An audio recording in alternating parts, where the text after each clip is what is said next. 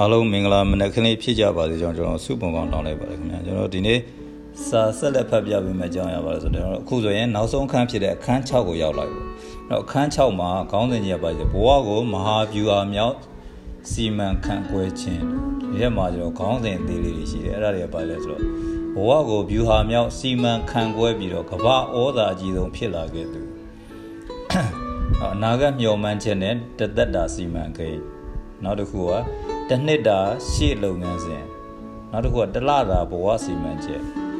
နောက်ဆုံးတစ်ခုကတပတ်တာနဲ့တစ်နေ့တာစီမံချက်များဒါကျွန်တော်တို့ဒီအခန်း6မှာနားဆင်ရမယ့်အကြောင်းအရာတွေအဲ့တော့ပထမဆုံးအနေနဲ့ပါလဲဆိုရင်ဘဝကိုဗျူဟာမြောက်စီမံပြီးတော့ကမ္ဘာဩဇာကြီးဆုံးပုဂ္ဂိုလ်ဖြစ်လာခဲ့သူဒီလိုကဘယ်သူဖြစ်မလဲတော်တော်များများသိပြီးသားလူတယောက်ဖြစ်သူကတို့အရန်အံ့ဩစရာကောင်းတဲ့အဖြစ်အပျက်တွေနဲ့အများကြီးကြုံခဲ့ရတဲ့လူတယောက် โอเค1990 1952ခုနှစ်ရုရှားရှီဟောင်းမြို့လီနင်ဂရတ်ယခုစိတ်ပီတာစပတ်မြို့မှာအင်ဂျက်တရာစစ်ပြန်တဟုနဲ့မုံဖို့အလုပ်သမားတို့ကနေပြီးတော့ပူတင်ကိုမွေးဖွားခဲ့ပါတယ်။အဲ့တော့ဒီနေ့နားဆင်ရမယ့်လူကသမ္မတရုရှားသမ္မတအိုစမာပူတင်ပေါ့โอเคပူတင်အကြောင်းနေတာ။အဲ့တော့ပူတင်ဟာသူ့ကိုအရန်ချစ်တဲ့မိခင်နဲ့အမြဲကြေးမောင်းလေးရှိတဲ့ဖခင်တို့နဲ့အတူ စစ်တမ်းလေးရအခန်းချင်းလေးထဲမှာချို့တဲ့စွာငယ်ဘဝကိုဖျက်ဆီးခဲ့ရပါတယ်။ဖခင်ရဲ့ကြမ်းတမ်းတဲ့ဒေါသနဲ့မိခင်ရဲ့နူးညံ့တဲ့မေတ္တာတို့ပေါင်းဆက်တန်တီတီခဲ့တဲ့ပူတင်ရဲ့စိတ်ဝိညာဉ်ဟာရန်ဖာရန်ခါမှာကြားတတ်တော်ဝါလိုမှန်ဖိတတ်ပြီးတော့တခါတရံမှာယုံယုံတငယ်ပမာတိမ်မွေ့နေပြန်ပါပဲ။အရွယ်ရောက်လာတော့အမြဲချူချာပြီးတော့လူကောင်းသေးတဲ့ပူတင်လေးကိုအတန်းဖော်တွေကအမြဲအနိုင်ကျင့်ခဲ့ကြပါ ဒီတန်ကိုမခံနိုင်တဲ့အစုံမှာတော့ပူတင်ဟာရုရှားရိုးရာကိုကံပညာတစ်ခုဖြစ်တဲ့စမ်ပိုကိုအပြင်းအထန်လေ့ကျင့်ခဲ့ပါတော့တယ်။နောက်ပိုင်းမှာဂျူရိုကိုဆက်တင်ခဲ့ပြီးတော့ကမ္ဘာချန်ပီယံနဲ့ရှင်နိုင်တဲ့အထိအဆင့်မီလာခဲ့ပါတယ်။ပူတင်ဟာဂျူရိုကိုကိုကံပညာအဖြစ်သာမကအောင်မြင်ရေးတဒနာတရအနေနဲ့ပါခံယူခဲ့ပါတယ်။ဂျူရိုပညာနဲ့ရုပ်ခန္ဓာကိုယ်ရောစိတ်တက်ကိုပါကြန့်ခိုင်အောင်ဆွမ်းဆောင်နိုင်ခဲ့ပါတယ် ဒါပြင်မိမိရဲ့အာသာချက်နဲ့အခွင့်အလမ်းပေါင်းဆက်ပြီးတော့ပြိုင်ဘက်ရဲ့အားနည်းချက်ကိုဘယ်လိုတိုက်ခိုက်ရမလဲဆိုတဲ့ဂျူရိုနီးပညာကိုဘဝရဲ့မဟာဗျူဟာအဖြစ်ပြောင်းလဲအသုံးချနိုင်ခဲ့ပါတယ်။ပူတင်ဟာငယ်စဉ်ကတည်းကစုံတော်ဝတ္ထုတွေရုပ်ရှင်တွေကိုယူသွက်ခဲ့ပြီးတော့ဇက်လိုက်နေရမှာသူ့ကိုယ်သူအမြဲအစားထိုးစိတ်ကူးရင်ပုံဖော်ခဲ့ပါတယ်။အသက်ဆောက်ဇန်အသက်16နှစ်မှာတော့မိဘအလစ်မှာ KGB ထောက်လိုင်းရေးရုံးမှာအလုပ်သွားလျှောက်ခဲ့ပါတယ် တို့ဒီနေရာမှာ KGB ဆိုတော့ရုရှားဘာသာစကားနဲ့သူနိုင်ငံလုံခြုံရေးပေါ့လုံခြုံရေးဟိုဌာနပေါ့ကျွန်တော်တို့ဟိုဆိုရင်အရင်တော့ကျွန်တော်တို့မှာထောက်လန်းရေးဌာနဥမာဥခေညုံတို့လုပ်ခဲ့တဲ့ထောက်လန်းရေးဌာနအဲ့လိုမျိုးကျွန်တော်တို့ရုရှားမှာရှိတဲ့အဖွဲ့အစည်းတစ်ခုအဲ့ဒါကိုကျွန်တော်ရုရှားဘာသာစကားဒါ KGB ဆိုတာအင်္ဂလိပ်လိုမဟုတ်ဘူးရုရှားဘာသာ KGB လို့ခေါ်တယ်အဲ့တော့ KGB ရုံးမှာပူတင်ကို KGB ရုံး KGB ရုံးကပူတင်ကိုဥပဒေပွဲရအောင်အရင်စ조사ဖို့အကြံပေးပြီးတော့ချော့မော်ကပြန်လုပ်ခဲ့ရပါတယ်ဒီလိုနဲ့ပူတင်ဟာဥပဒေကြောင်းတက်ခဲ့တက်ရင်းနဲ့စောက်လို့ရည်တွေမှာအချိန်ပိုင်းအလုပ်ကျန်းဝင်လုပ်ကမိဘကိုထောက်ပံ့နိုင်ခဲ့ပါတယ်တက္ကသိုလ်ကျောင်းသားဘဝမှာပူတင်ဟာအဖြစ်ပြက်နှစ်ခုနဲ့ကြုံဆုံခဲ့ရပါတယ်ပထမဖြစ်ရကတော့နှစ်တော်ကြာတွဲနေခဲ့တဲ့ နှစ်တော်ကြာတွဲနေခဲ့တဲ့ချစ်ဦးသူစေးချောင်းကလူဓာနဲ့လက်ထက်ကန်ဒီမှာမိဘမိခင်ကသဘောမတူတို့လွဲခဲ့ရခြင်းပါပဲဒီတော့ပူတင်ဟာအသေးကွဲအတွင်းကြေတဲ့တန်ကိုအတော်လေးခံစားလိုက်ရပါတယ်ဒုတိယဖြစ်ရကတော့ဂျူရိုလေ့ကျင့်သူကင်ပေါက်လိုက်တဲ့အတွက်သူ့ရဲ့အချစ်ဆုံးကစားပေါ်ဟာအကြမတော်ပဲနဲ့မတော်တဆအသေးဆုံးခဲ့ရပါတယ်ဒီဖြစ်ရနှစ်ခုရှေ့စဉ်နောက်စဉ်ဖြစ်ပြီးကြတဲ့ပူတင်ဟာစိတ်တန်ရာရရှိခဲ့ပြီးတော့ တက်တက်တက်တက်လုံးမကြီးမပြုံးနေသွားပါတော့တယ်သမရပူတင်ကိုကြည့်လိုက်အများရန်ခတ်တီတီနဲ့နေတာဒီဒဏ်ရာတွေကြောင့်ဒီဒဏ်ရာနှစ်ချက်ကြောင့်သူမပြုံးနိုင်မရင်နိုင်ဖြစ်သွားတော့ပူတင်ဟာဘယ်လိုပဲရင်တွင်းဝေဒနာတွေခံစားနေရပါလေသူ့ရဲ့ဥတီချက်ကိုတော့အပြတ်မခံခဲ့ပါဒီကြားထဲမှာပဲ KGB ရုံးကိုအကြိမ်ကြိမ်သွားကအလုပ်ရလို့ရညာစူးစမ်းခဲ့ပါတယ် သူဥပဒေပွဲရပြည်ချိန်မှာတော့ KGB ရုံးကသူ့ကိုဆက်သွယ်လာပါတော့တယ်တကယ်တော့ KGB ကသူ့ရဲ့သိအားထက်သန်မှုကိုအမြဲစောင့်ကြည့်နေကြတာပါဒီလိုနဲ့ငယ်စဉ်ကလေးကစိတ်ကူးရင်ခဲ့ရတဲ့အယုတ်လုပ်ကိုလောက်ခွင့်ရရှိခဲ့တဲ့ပူတင်ဟာတခြားစုံတော့တွေထက်ပိုကြိုးစားကတာဝန်ထမ်းဆောင်နိုင်ခဲ့ပါတယ်။နှစ်နှင်းငယ်အတွင်းမှာဗိုလ်မှူးကြီးဖြစ်လာခဲ့ပြီးတော့ KGB ရဲ့အဆင့်မြင့်ဆုံးတင်နန်းကိုတက်ခွင့်ရခဲ့ရရှိခဲ့ပါတယ်။ ဒီအထူးတင်နန်းမှာတော့နိုင်ငံတကာဥပဒေကအစစိတ်ဓာတ်စစ်စင်ရေးအလဲတရုတ်ဆောင်ပညာအစုံဘာသာရေးများစွာကိုသင်ကြားခဲ့ရပါတယ် KGB စုံတောက်တွေဟာ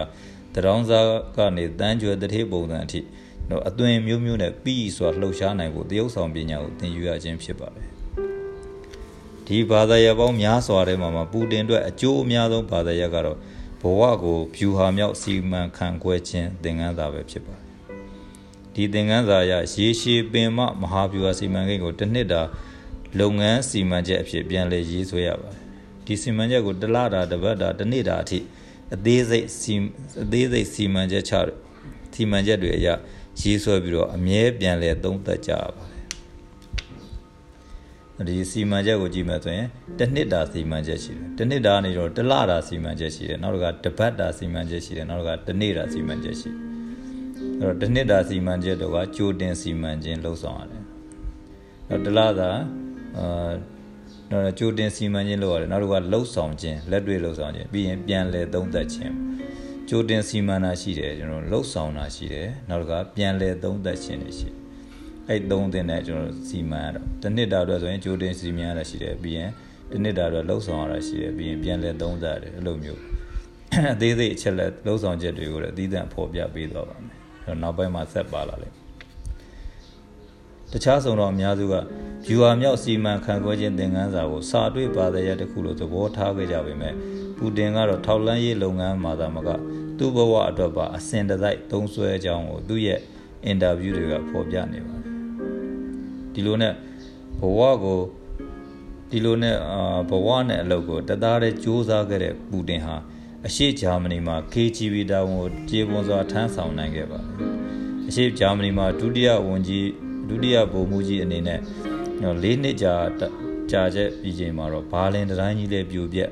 KGB လုပ်ငန်းတွေလည်းတစ်စက္ကန့်ရပ်ပြီးတော့ပူတင်လည်းအလုံးလက်မဲ့ဖြစ်သွားပါဒီချိန်မှာနိုင်ငံရေးအခြေအနေကဆိုဗီယက်တနိုင်ငံလုံးမှာ KGB လုပ်ငန်းတွေလည်းရိုင်နေနေပြီဖြစ်ပါတယ် ဒီလိုနဲ့1990ခုနှစ်မှာပူတင်ဟာဟိုအခြေဂျာမနီကနေသူ့ရဲ့မွေးရထားနေလီနင်ဂရက်စီသို့ပြန်လာခဲ့ပါတယ်အိမ်မရပါမရှိသေးတဲ့ပူတင်ဟာမိမသဘောမကျတဲ့ကြားကမိဘအိမ်ကိုပြန်တက်ပြီးတော့စားဝတ်နေရေးအတွက်အလောက်ရှာထွက်ခဲ့ရပါတယ်ဒီကြားထဲမှာဒေသခံအမျိုးသမီးနိုင်ငံရေးတယောက်ရဲ့အချိန်ပိုင်းဒရိုင်ဘာဖြစ်လုပ်လိုက်ရပါသေးတယ်ဒီလိုနဲ့6လလောက်အလုံးလက်မဲ့ ဖြစ်ခဲ့ပြီးတော့လီနင်ဂရက်တက်ကတူမှာကျောင်းဆရာအနေနဲ့အလုပ်တနေရာရရှိခဲ့ပါ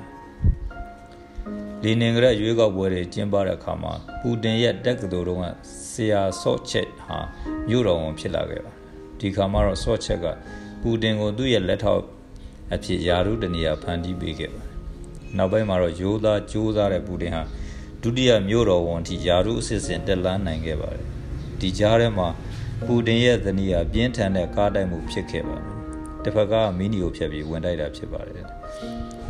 အလုတ်တာဝန်နဲ့ပြည်နေတဲ့ပူတင်ဟာဇနီးအတွက်စိတ်တည်ငြိမ်စွာနဲ့ပဲအဝေးကနေစီမံဆောင်ရွက်ပေးခဲ့ရပါတယ်1996ခုနှစ်မှာတော့သူ့ဆရာဆော့ချက်ခါမြို့တော်ရွေးကောက်ပွဲမှာရှုံးနေခဲ့ရပါတယ်ဒီခါမှာပူတင်ဟာလည်းဒုတိယအကြိမ်မြောက်အလုံးလက်မဲ့ဘဝပြန်ရောက်ခဲ့ရပြန်ပါတယ်တကယ်တော့လက်စားမှုတွေနဲ့နာမည်ပြက်နေတဲ့ဆော့ချက်ပြုတ်မယ်ဆိုတော့ကြိုတွက်ထားပြီးသားပါ နောက်ရွေးကောက်ပွဲမှာတေချာပေါက်နိုင်မဲ့ပုံကလည်းပူတင်ကိုစီးယုံပြီးတော့ဒုတိယမြို့တော်ဝန်နေရာပေးဖို့ကမ်းလှမ်းခဲ့ပါသေးတယ်ဒါပေမဲ့သူကျေးဇူးရှင်ဆော့ချက်ကိုတစ္ဆာစောင့်သိခဲ့တဲ့ပူတင်ဟာနောက်ဆုံးအခြေထိဆော့ချက်ဘက်ကနေပြီးတော့ရက်တီပေးခဲ့ပါတယ်ဒီလိုကျေးဇူးတရားသိတဲ့မှုဟာနောင်တစ်ချိန်မှာပူတင်ကိုပြန်လဲအကျိုးပြုခဲ့ပါတယ်ဒီလိုနဲ့ပူတင်ဟာဝင်ငွေကလည်းရက်အစိုးရအင်ဂေဟာကလည်းထွက်ခဲ့ရပါ သူချစ်ချုပ်စုဆောင်းငွေနဲ့ဝယ်ထားတဲ့ကြီးလက်ဆန်အင်ကိုနန်းရွှေ့ခဲ့ရပါတော့မကြခင်မှာပဲပူတင်ဟာတပူပေါ်နှစ်ပူဆင်းခဲ့ရပါတော့တယ်သူခွန်သူကွန်းခိုရာကြီးကြီးတော်ရွာကအင်္ဂလိပ်မီးလောင်ခြင်းပါပဲယရုတ်တရက်ဆိုတော့ပူတင်လည်းသူ့မိဘမိသူ့မိသားစုကိုဘေးလွတ်ရာကိုအရေးပေါ်ရွှေ့ပြောင်းပေးလိုက်ရပါ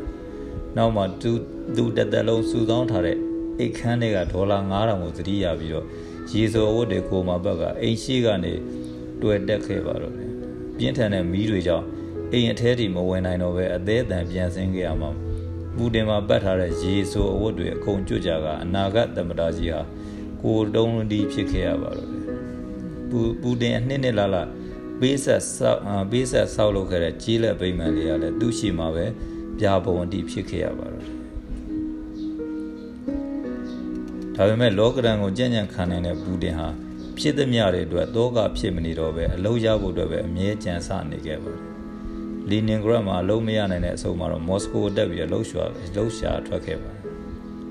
နောက်ဆုံးတော့သူ့မိတ်ဆွေတို့ရဲ့ပံပိုးမှုနဲ့တမတာယုံမှာတာမန်အဆင့်ယာရုဖြစ်တဲ့ဒုပစ္စည်းထိန်မှုဖြစ်လာခဲ့ပါတယ်ဒီယာရုလေးကိုတော့မှ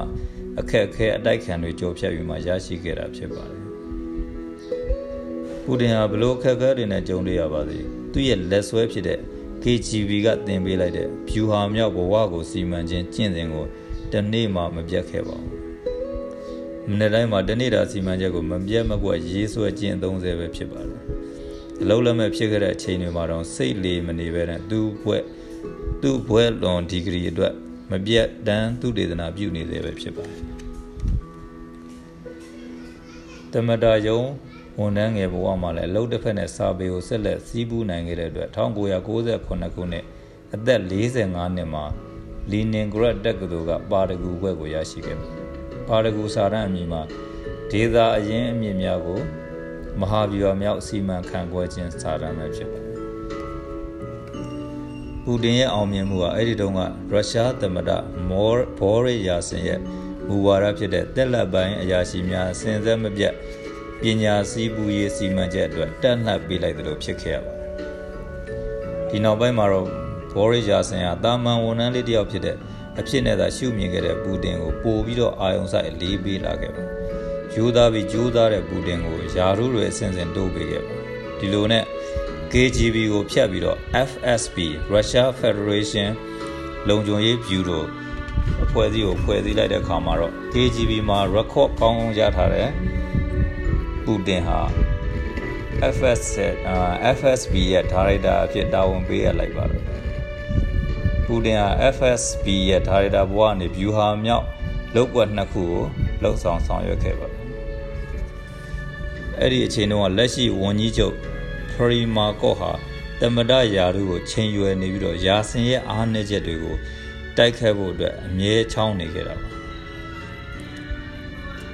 ဝန်ကြီးချုပ်ဟာအာဂရိတိုက်ဖြတ်ရဲ့အတွင်ရဲ့အတွင်အာဂရိတိုက်ဖြတ်ရဲ့အသွင်ကိုဆောင်ပြီးတော့ရာစင်မိသားစုရဲ့လက်စားမှုတွေကိုဖော်ထုတ်ဖို့အတွက်ရှေ့နေချုပ်ကိုလျှို့ဝှက်တာဝန်ပေးထားတာပါဒါကိုပူတင်ကတံပြန်စုံစမ်းနိုင်ခဲ့ပြီးတော့အခြေအနေရက်ကကိုဗျူဟာမြောက်သုံးသက်ကရှေ့နေချုပ်ကိုတံပြန်တိုက်စစ်ဆင်ဖို့ကြိုးစားခဲ့ပါတော့တယ်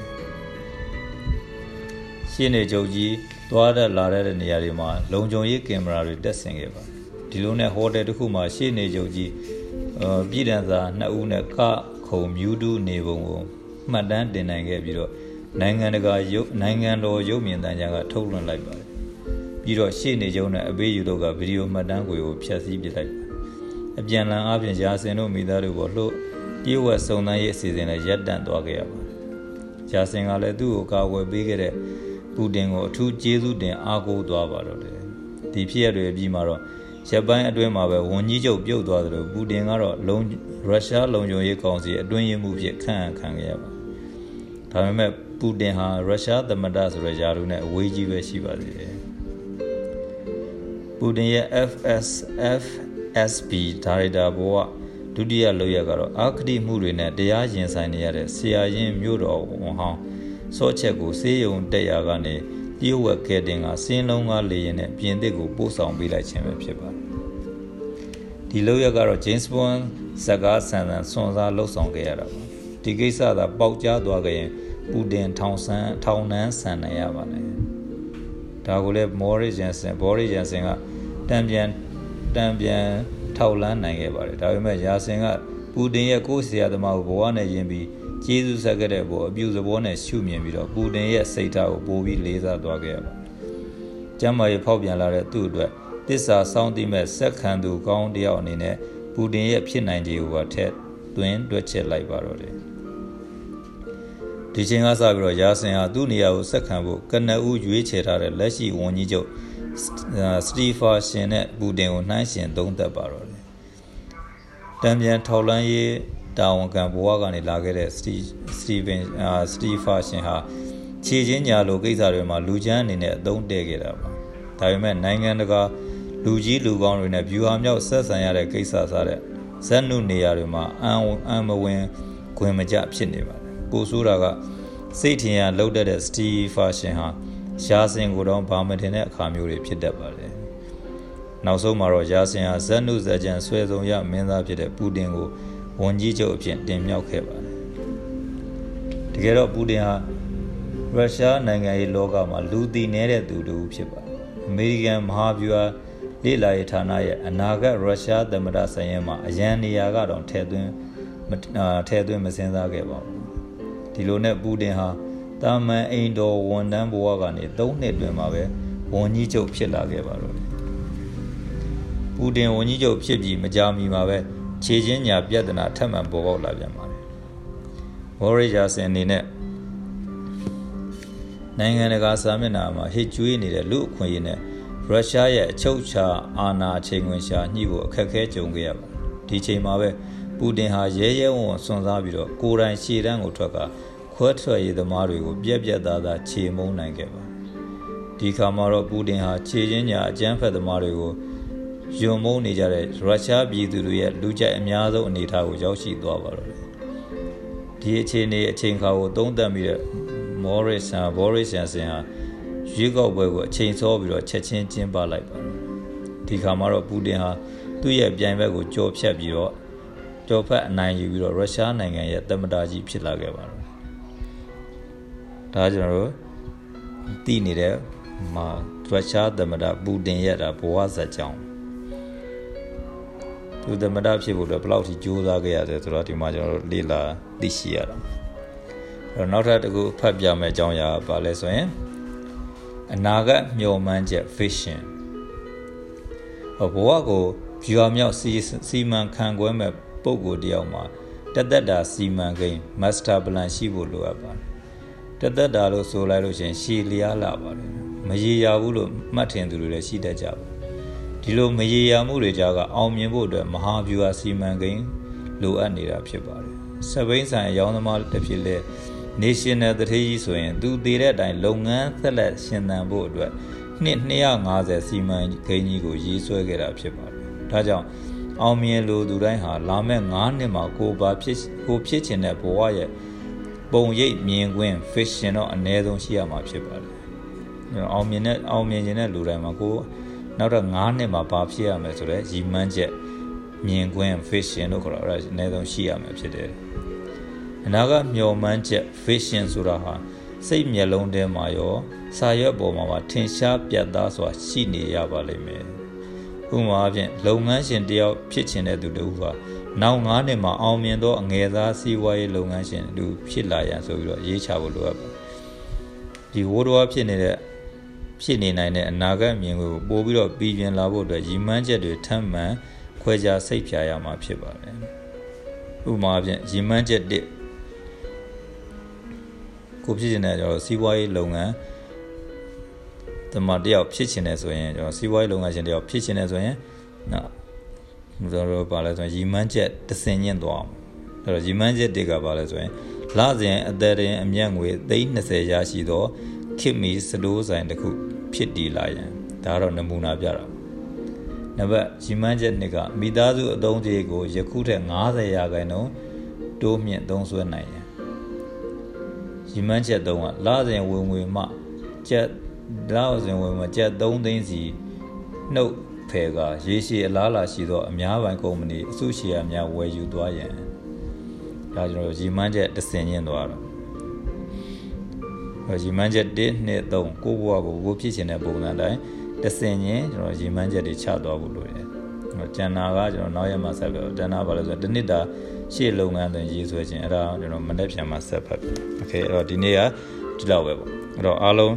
ကျမ်းမှာချမ်းသာသောနဲ့သက်သောသက်သာနေနိုင်ကြပါဆုတောင်းရင်းနဲ့ okay see you tomorrow